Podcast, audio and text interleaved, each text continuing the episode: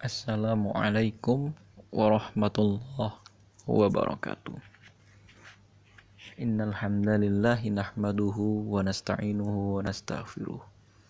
Wa na'udzu billahi min syururi anfusina wa min sayyiati a'malina may yahdihillahu fala mudhillalah wa may yudlil fala hadiyalah. Asyhadu an la ilaha illallah wa asyhadu anna Muhammadan abduhu wa rasuluhu la nabiyya ba'da. Allahumma salli ala Muhammad wa ala ali Muhammad kama sallaita ala Ibrahim wa ala ali Ibrahim innaka Hamidum Majid. Rabbi syrah li sadri wa yassir li amri wahlul 'uqdatam min lisani yafqahu qawli.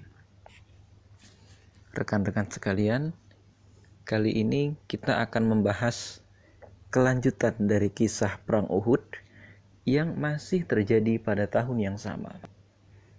Rasulullah Shallallahu Alaihi Wasallam pada tahun ketiga hijrah mengalami tahun-tahun yang sangat sibuk.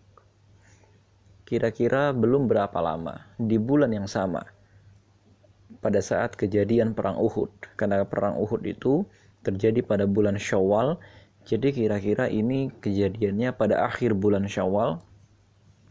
Datanglah dua orang utusan kepada Rasulullah Wasallam ke kota Madinah.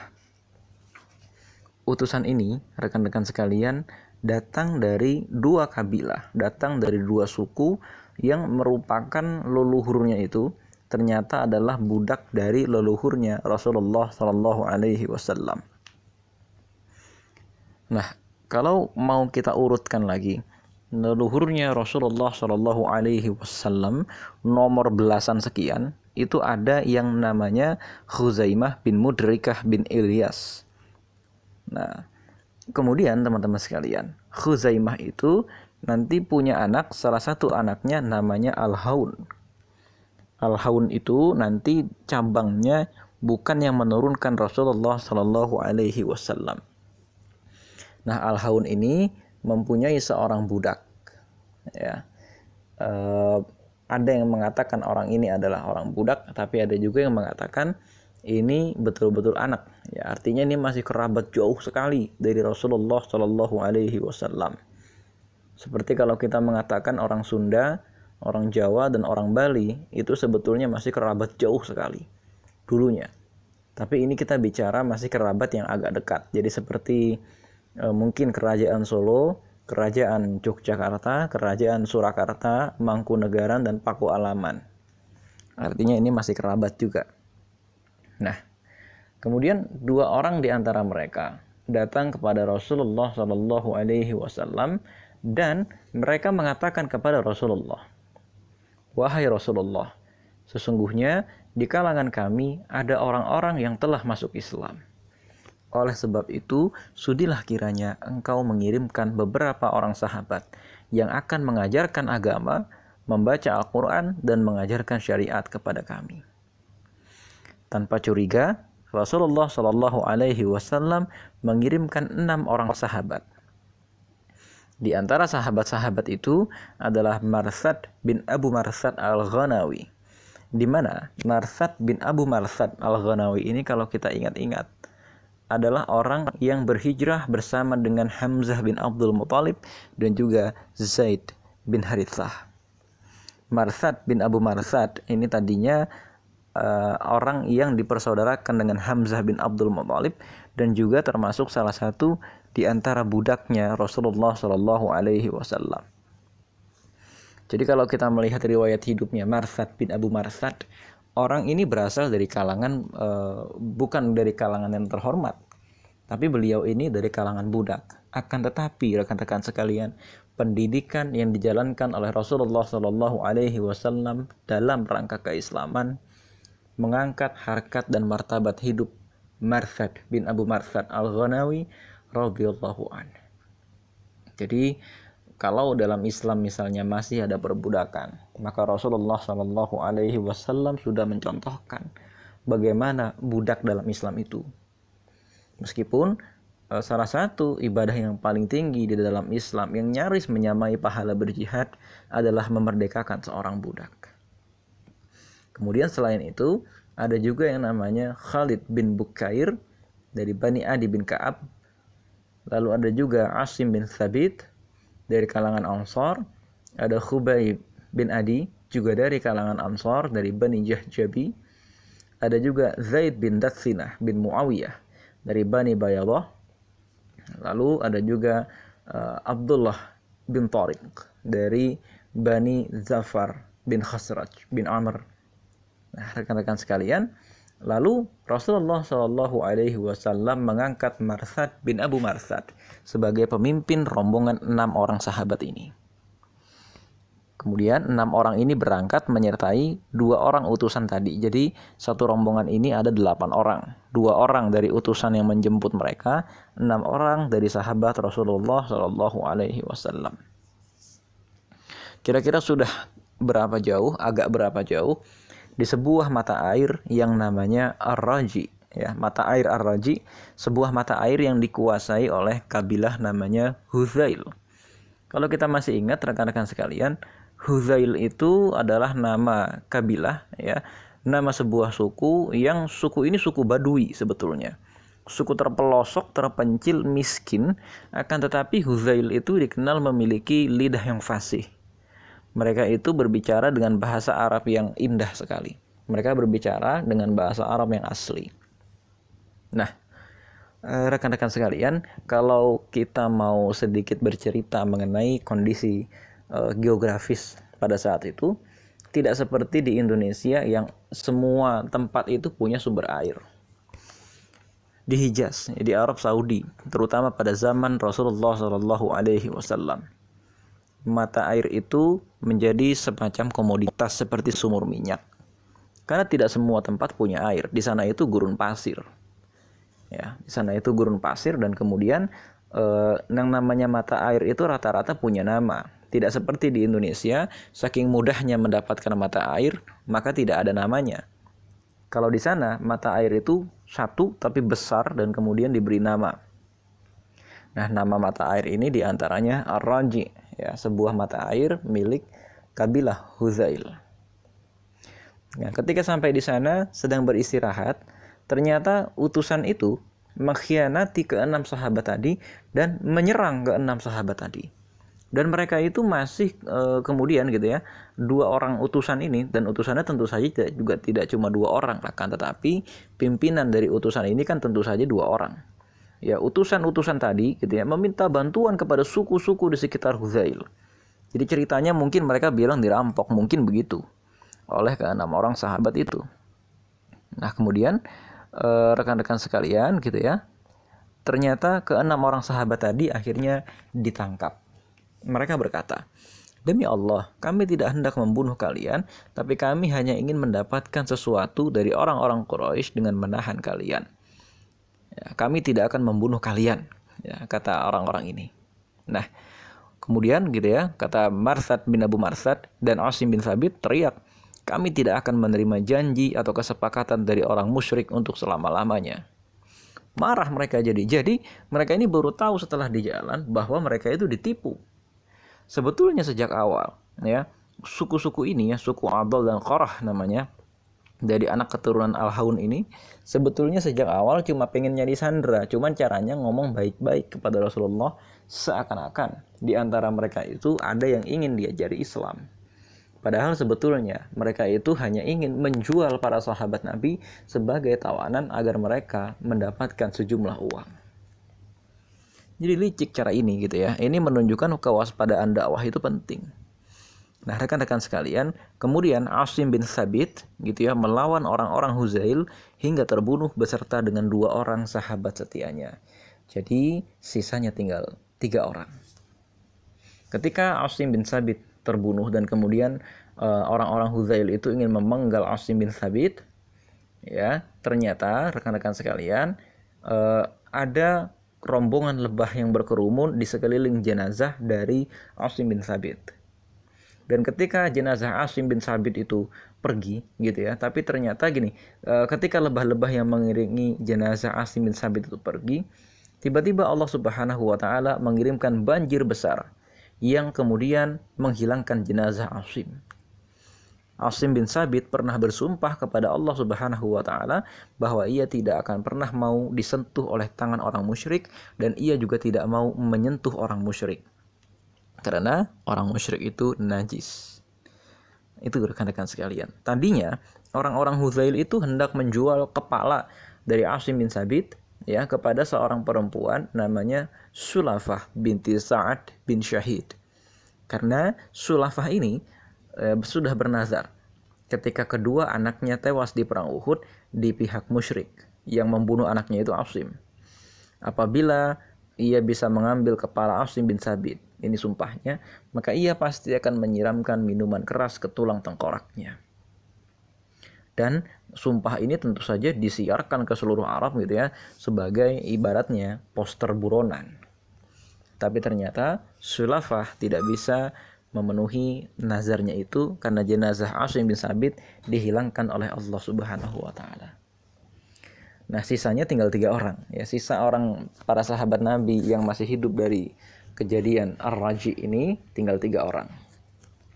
Zaid bin Dasfinah, Hubay bin Adi, dan Abdullah bin Tariq. Mereka putus asa. Ceritanya mereka itu sudah tidak bisa melakukan apa-apa dan kemudian mereka menjadi tawanan bagi orang-orang Huzail.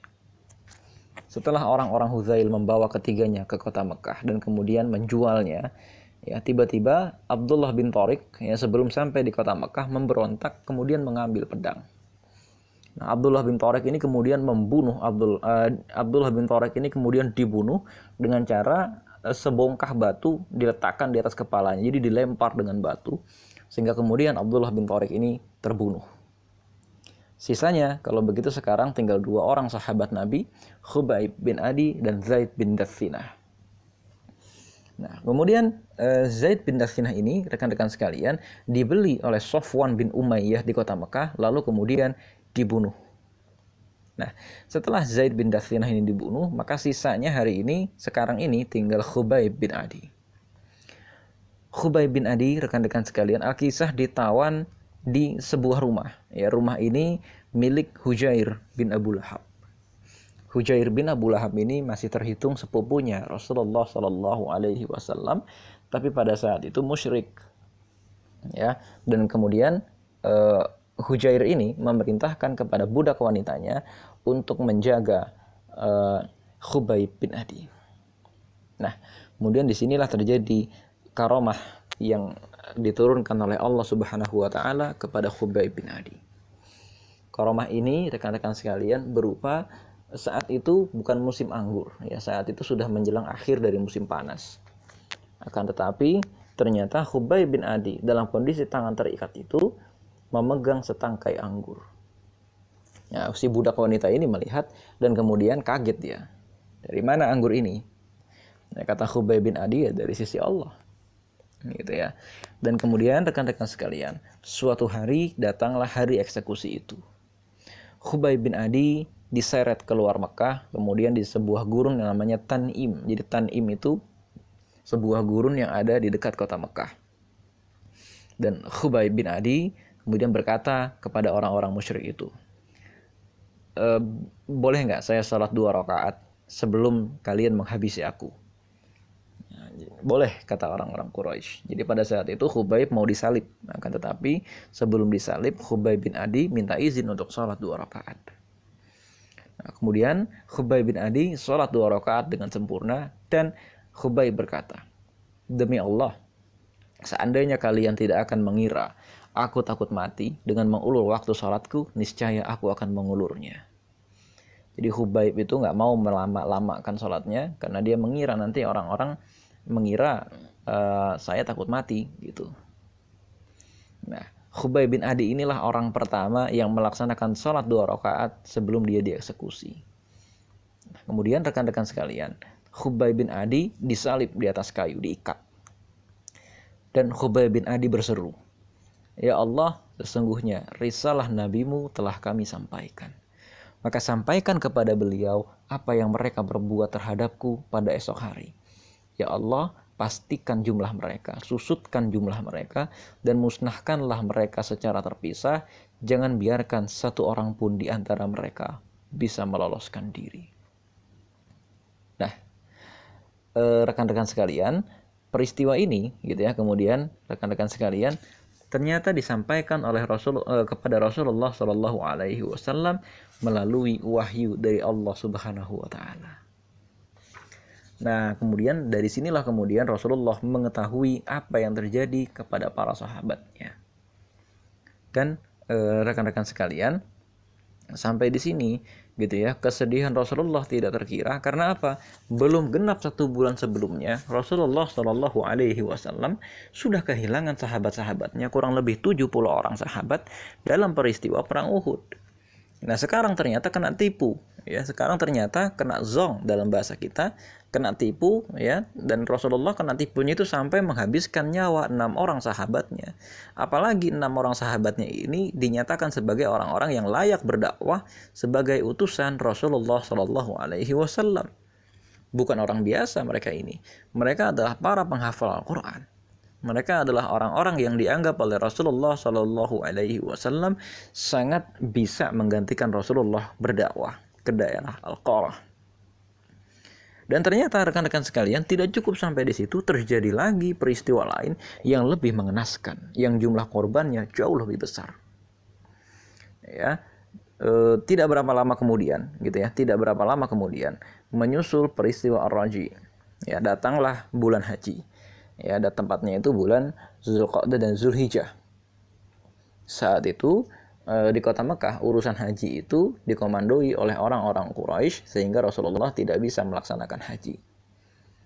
Nah, kemudian eh, rekan-rekan sekalian ya pada bulan Safar ya di awal kira-kira empat bulan setelah kejadian perang Uhud jadi hanya beberapa bulan saja setelah perang Uhud Rasulullah Shallallahu Alaihi Wasallam kedatangan beberapa utusan dari Najd namanya Ya, beberapa utusan ini kemudian dikepalai oleh seseorang yang mempunyai perjanjian dengan Rasulullah Shallallahu Alaihi Wasallam.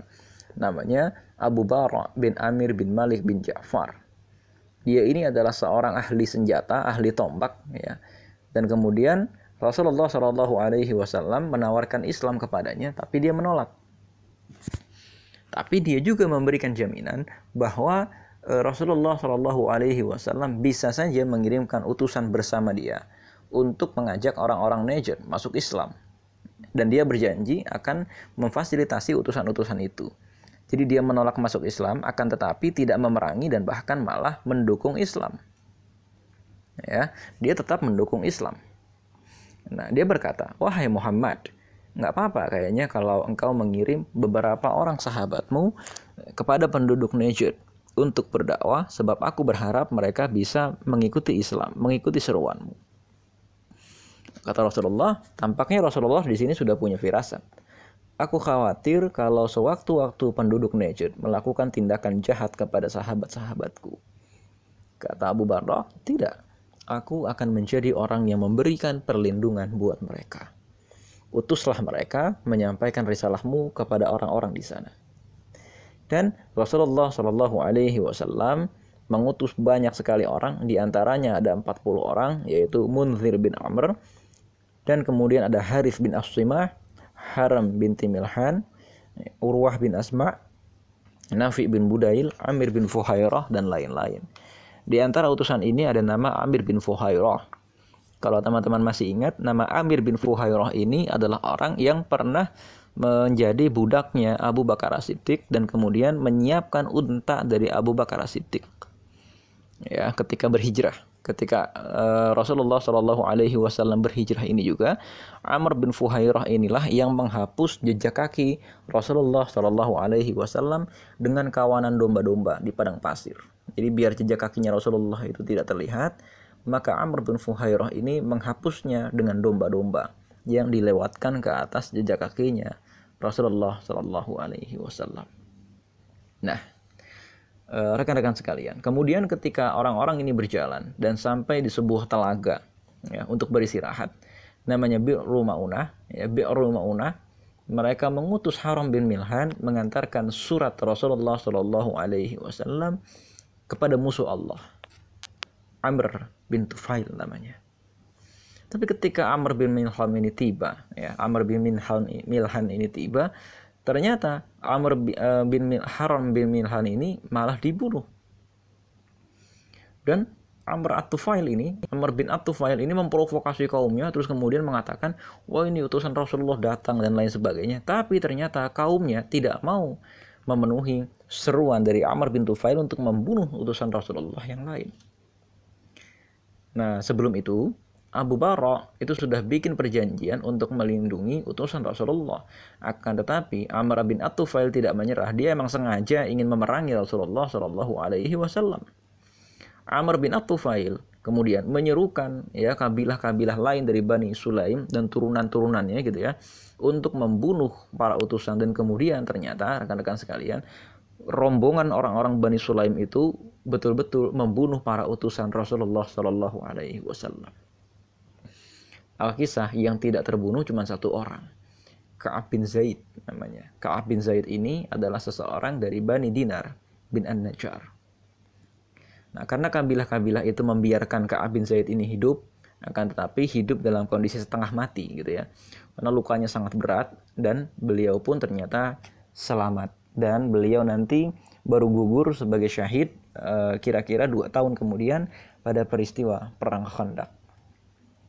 Nah, di tengah-tengah kaum itu ternyata ada dua orang sahabat Nabi yang sedang berkunjung Ya, jadi ada dua orang sahabat Nabi, yang dua orang ini nggak tahu menahu nih ada peristiwa apa. Tiba-tiba dua orang sahabat Nabi ini e, melihat ada burung bangkai, ya, ada burung pemakan bangkai yang terbang di atas barak mereka. Nah, demi Allah kata mereka, burung ini pasti membawa berita penting. Nah, kemudian e, dua orang sahabat Nabi ini mendatangi tempat burung-burung itu datang. Jadi ada burung-burung yang burung ini hanya berkumpul di tempat di sana banyak mayat. Nah, kemudian dua orang sahabat Nabi ini kaget. Ya, dua orang sahabat Nabi ini kaget. Loh, ini kan sahabat-sahabat kita. Kenapa mereka ini sudah sudah jadi mayat? Nah, kemudian salah seorang di antara mereka bilang, "Eh, gimana menurutmu ini?" Oke, bagaimana kalau kita beritahukan ini kepada Rasulullah Shallallahu Alaihi Wasallam? Nah, eh, kemudian begini, ada seorang sahabat Ansor, salah seorang di antara mereka mengatakan, intinya begini, aku akan membunuh mereka semua, aku akan menuntut balas. Nah kemudian eh, satu orang ini tentu saja gitu ya habislah dibunuh tentu saja begitu gitu ya dan mereka kemudian eh, menawan Amr bin Umayyah jadi mereka menawan salah seorang sahabat Ansor yang tadi gitu ya jadi yang satunya dibunuh yang satunya nggak jadi dibunuh yang satunya itu cuma ditawan Nah, ketika Amr bin Umayyah mengatakan saya berasal dari Mudor, artinya eh, saya ini tidak berasal dari utusan Rasulullah, kan tetapi saya ini orang yang berbeda, gitu ya. Dan kemudian dia dibebaskan setelah sebelumnya membayar harga pembebasannya itu dengan seorang budak, gitu ya. Dan eh, dia berjalan. Dan kemudian ketika Amr bin Umayyah ini pulang, mau ke kota Madinah, mau melaporkan kejadian ini kepada Rasulullah Shallallahu Alaihi Wasallam dia kesusul oleh dua orang dari Bani Amir. Ya, dia kesusul oleh dua orang yang masih merupakan saudara-saudara dari para pembunuh sahabat Rasulullah tadi. Dan kemudian ketika dua orang ini mendekat kepada Amr bin Umayyah lalu berteduh di bawah sebuah pohon, ternyata Amr bin Umayyah itu membunuh mereka berdua karena dendam, ya. Amr bin Umayyah itu ingin membunuh mereka berdua karena dendam dan jadilah terbunuh. Padahal Bani Amir pada saat itu sedang terikat di bawah perjanjian damai bersama Rasulullah Shallallahu Alaihi Wasallam. Dan kemudian gitu ya, eh, Amr bin Umayyah ini pulang ketemu dengan Rasulullah Shallallahu Alaihi Wasallam dan cerita panjang lebar.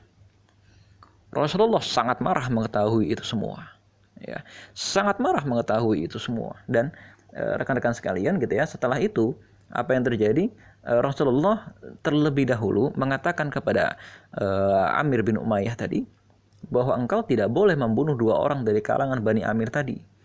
Ya, kemudian Rasulullah Shallallahu Alaihi Wasallam membayarkan denda kepada orang-orang yang sudah dibunuh oleh Amr bin Umayyah.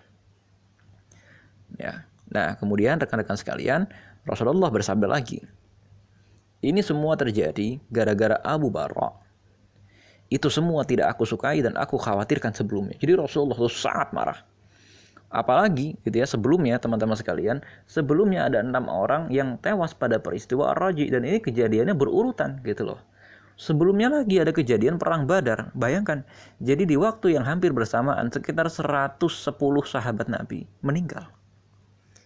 Yang 70 meninggal pada saat peristiwa perang Badar sebagai syahid, yang 41 gitu ya. Yang 41 itu meninggal pada peristiwa uh, Ar-Raji dan juga peristiwa Bir Maunah ini, peristiwa Bir Maunah. Dan ini yang membuat akhirnya Rasulullah Shallallahu Alaihi Wasallam sangat marah, rekan-rekan sekalian. Nah, kemudian apa yang terjadi kepada Abu Barok tadi? Yang mana Abu Barok inilah yang meminta para sahabat Nabi datang ke Najd. Abu Barok marah besar. Ya, dan kemudian ketika Abu Barok ini marah besar, uh, Abu Barok ini mendatangi Amr bin Abtufail dan menikam Amr bin Abtufail.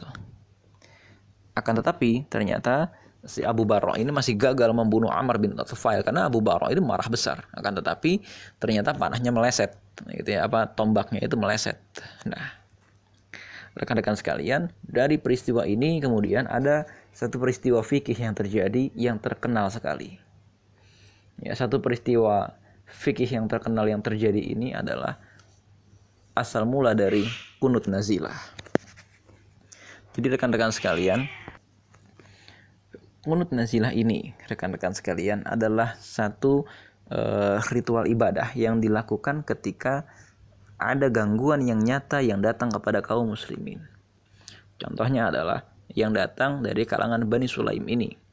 Ya, ketika Rasulullah Shallallahu Alaihi Wasallam gelisah dan sangat marah ketika mengetahui sekitar 47 orang sahabatnya terbunuh begitu saja gara-gara mungkin yang pertama kekurang hatian Rasulullah Rasulullah Alaihi Wasallam ketika mengirimkan para sahabatnya. Marah besar Rasulullah pada saat itu. Apalagi peristiwa ini terjadi kurang lebih setelah perang Badar. Nah, rekan-rekan sekalian, dari dua peristiwa ini kita bisa mengambil beberapa pelajaran. Yang pertama, rekan-rekan sekalian, bahwa memang yang namanya dakwah itu perlu kewaspadaan. Ya, saat itu teman-teman sekalian Rasulullah Shallallahu Alaihi Wasallam sudah banyak mengirimkan utusan dan kemudian utusan-utusan ini berhasil dengan gemilang untuk mengikat beberapa suku-suku e, sebagai sekutu dari Islam sebagai e, semacam partai koalisi ya dari Islam. Jadi Eh, kondisinya pada saat itu mereka itu tidak di bawah atau tidak setara dengan Rasulullah Shallallahu Alaihi Wasallam akan tetapi dalam kondisi di bawah perlindungan dari Rasulullah Shallallahu Alaihi Wasallam. Meskipun ada juga sebagian yang setara ya. Jadi strateginya Rasulullah itu membangun jaring laba-laba baru untuk melawan jaring laba-labanya orang Quraisy orang Quraisy punya sekutu banyak Bani Bakar bin Wail misalnya akan tetapi Rasulullah Shallallahu Alaihi Wasallam untuk memperkuat posisinya di kota Madinah juga menciptakan jaringan sekutu di luar kota Madinah. Nah di antara sekutu-sekutu ini ada yang namanya Abu Barak tadi. Dan ada juga yang namanya tadi ya kabilah yang namanya Al-Qurrah tadi. Yang kabilah yang Al-Qurrah tadi membunuh enam orang sahabat Nabi. Sementara yang namanya uh, kabilah Bani Sulaim ini ternyata membunuh 41 orang sahabat Nabi.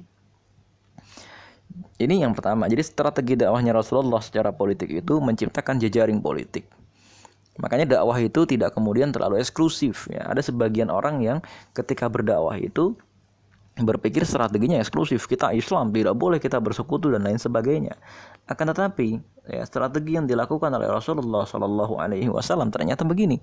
Mana-mana yang bisa dijadikan sekutu dakwah, dijadikan koalisi, kemudian mereka juga diharapkan keislamannya maka mereka itu tidak dijadikan lawan akan tetapi diikat dengan satu perjanjian perdamaian. Dan kapan pun itu mereka siap dikerahkan sebagai tentara militer. Ini yang membuat orang-orang Quraisy pada saat itu tentu saja marah besar. Akan tetapi Rasulullah Shallallahu Alaihi Wasallam saat itu mendapatkan pelajaran politik yang berharga.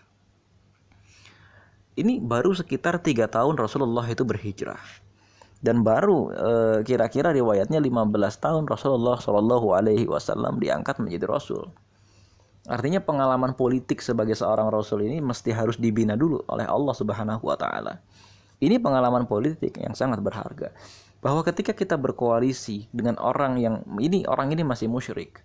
Ketika kita berkoalisi dengan uh, rombongan orang-orang yang orang-orang ini tidak bisa kita percaya sebetulnya maka pasti akan ada sebuah resiko.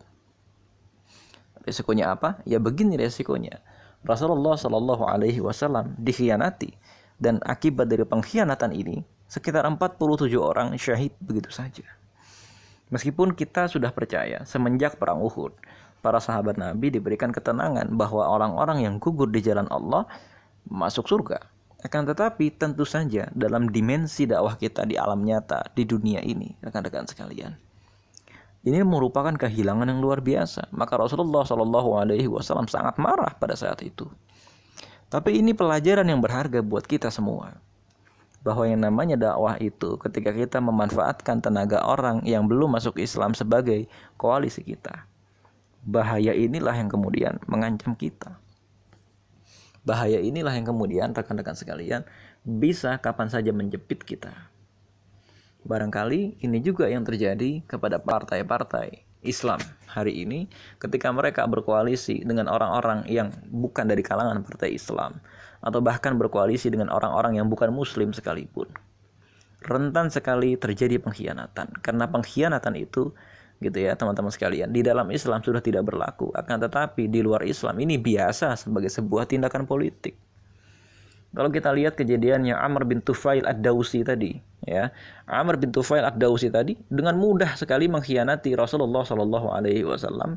Motifnya apa? Ya motifnya untuk mengalahkan kota Madinah karena mungkin dia merasa Bani Sulaim itu jauh lebih banyak dan jauh lebih besar daripada kekuatan kota Madinah begitu juga dengan orang-orang dari Al-Qurrah tadi Niatnya apa? Niatnya orang-orang dari Al-Qarrah untuk membunuh enam orang sahabat Nabi ini ternyata motifnya uang.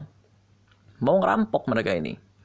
Jadi mau mau ngambil orang gitu ya, mau menawan orang dan kemudian dijual kepada orang-orang Quraisy. Karena mereka tahu orang-orang Quraisy sedang sangat marah dan mereka gagal menawan seorang pun pada saat perang Uhud.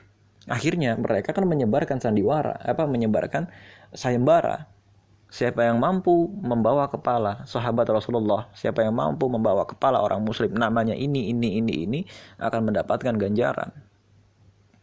Dan tentu saja teman-teman sekalian, meskipun kita tahu mereka itu bukan kabilah yang muslim, akan tetapi rupanya pada saat itu mungkin kaum muslimin kurang waspada.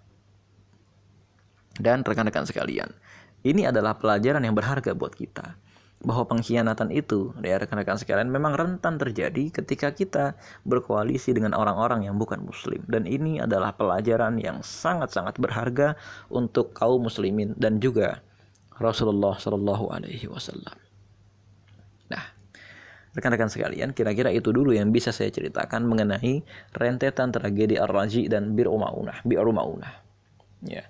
E, kisah ini tercantum dalam Sirah Ibnu Hisham ya terjadinya itu kurang lebih kalau tragedi Ar-Raji itu selepas ya tepat selesai pada perang Uhud dan setelah itu menyusullah tragedi Bi'ur Ma'unah. Jadi ada dua tragedi besar yang mengakibatkan gugurnya 47 orang eh, atau sekitar ya 47 orang sahabat Nabi dan kemudian sebelumnya sudah terjadi gugurnya 70 orang sahabat Nabi. Jadi total hanya dalam waktu beberapa bulan saja ya telah gugur sekitar 111 orang sahabat Rasulullah Shallallahu Alaihi Wasallam. Allah alam bisawab. Assalamualaikum warahmatullahi wabarakatuh.